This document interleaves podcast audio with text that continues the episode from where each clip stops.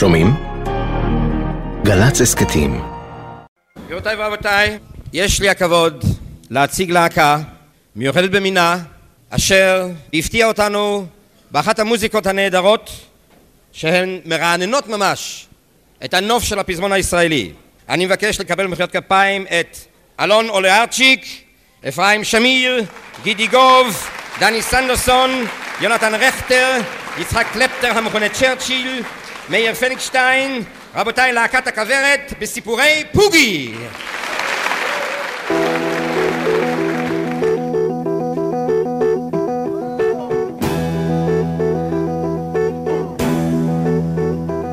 אני זוכר אותה, אני זוכר אותה מהמכולת. הפעם האחרונה שבה ראה גדי ענבר את אחיו יאיר הייתה בכניסה לאולם אלהמברה, בקצה שדרות ירושלים ביפו. שלושה ימים לפני שפרצה במפתיע המלחמה. הוא נפנף לנו לשלום, נסע, אנחנו נכנסנו להופעה של כוורת, ומאז לא ראיתי אותו. ראשית אוקטובר 73, על הבימה עמדו שבעת חברי הרכב חדש, שהאמרגן פשנה לקח תחת חסותו בערב שירים ומערכונים שהפך ללהיט.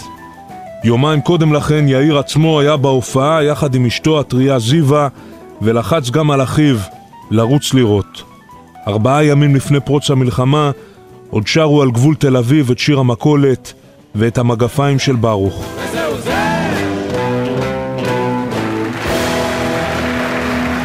סיפור היכרותם של זיווה ויאיר הוא גרסה רומנטית משונה לבלדה לעוזב קיבוץ. זיווה, חברת רמת דוד, רצתה לעזוב את המשק ולעבור לתל אביב, אבל חברים שלא יכלו לשאת את החרפה, ארגנו לעבודה בבית התנועה הקיבוצית במרכז העיר. גם יאיר מגבעת חיים איחוד נשלח לשם. הם התאהבו בעיר, וזה בזו, ועזבו סופית את המשק. במרס 73 התחתנו.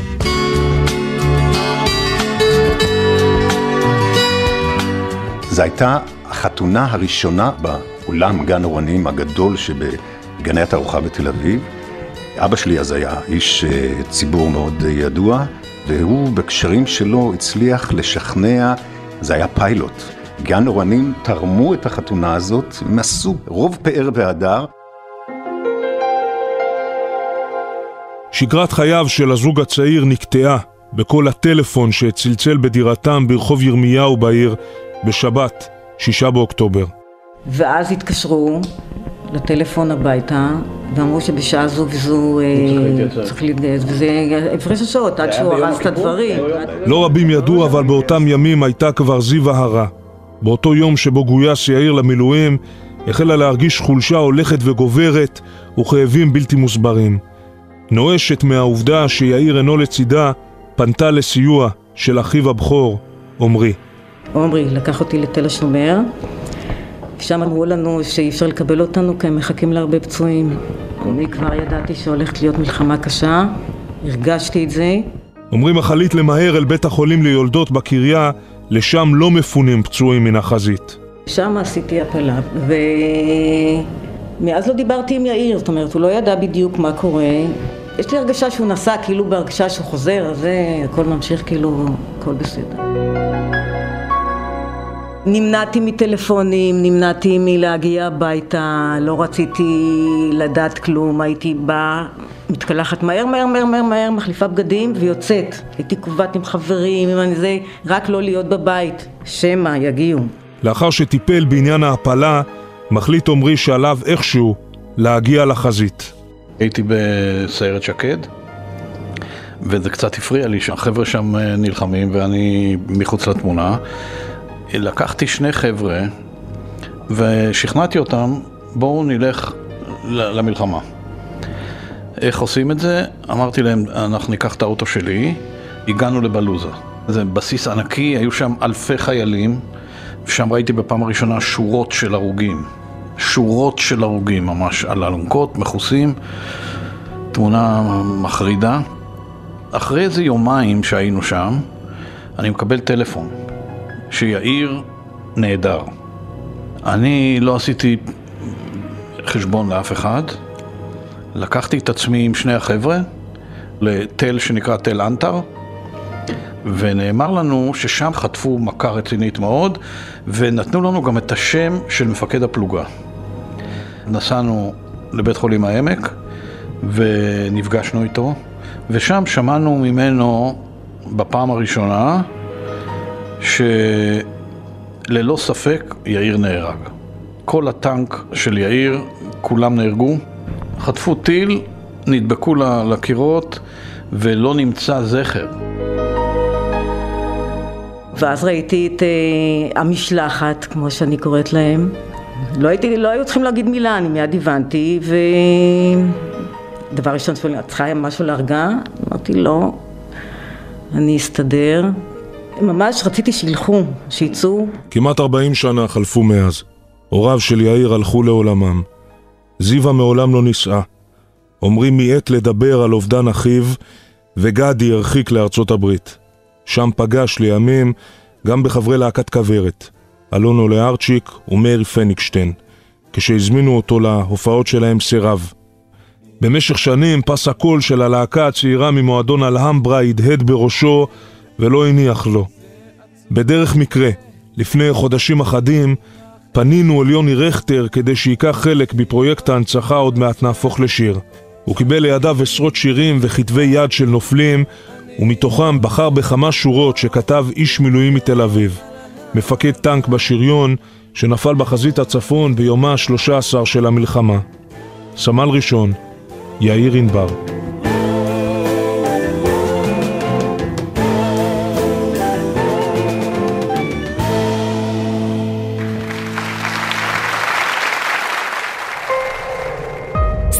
סמל ראשון יאיר ענבר, בן 27 מתל אביב, מפקד טנק בשריון, נפל במלחמת יום הכיפורים, 19 באוקטובר 1973, בקרבות בחזית הצפון.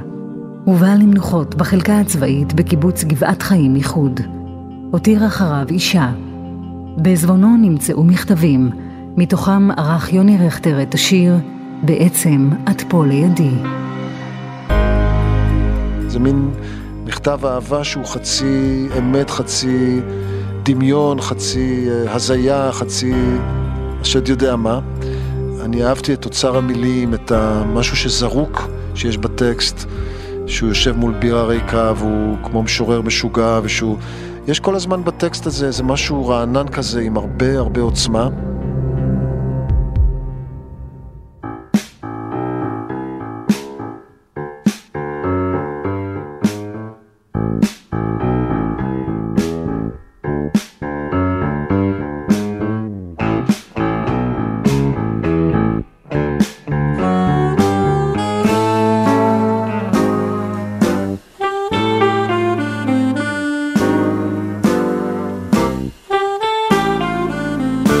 בעצם את פה לידי,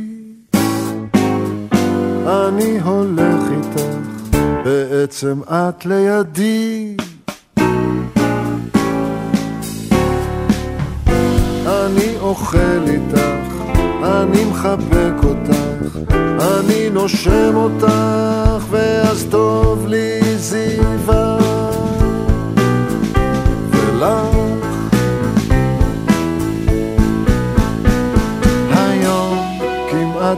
דרסתי אותך, נסעתי, נסעתי כמו משוגע,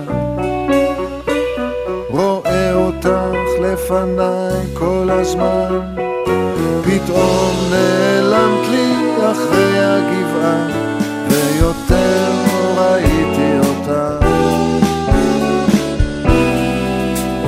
והיה לי עצוב, והיית עצובה.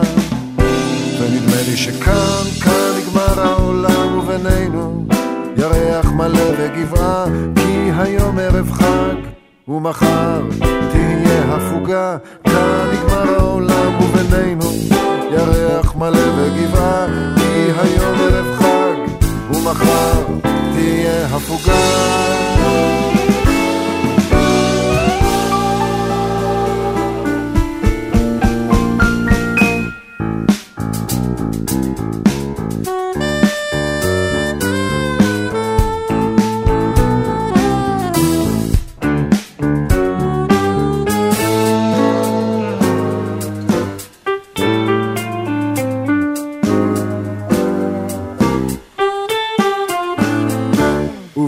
ובעצם את פה לידי. אני הולך איתך, אני מחבק אותך, אני נושב אותך, ואז טוב לי זיווה.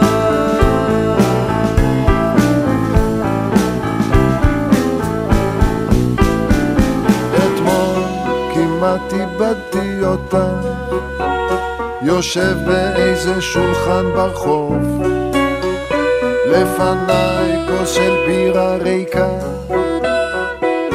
כותב לך מכתב כמו משורר משוגע, פתאום התחילה סופה.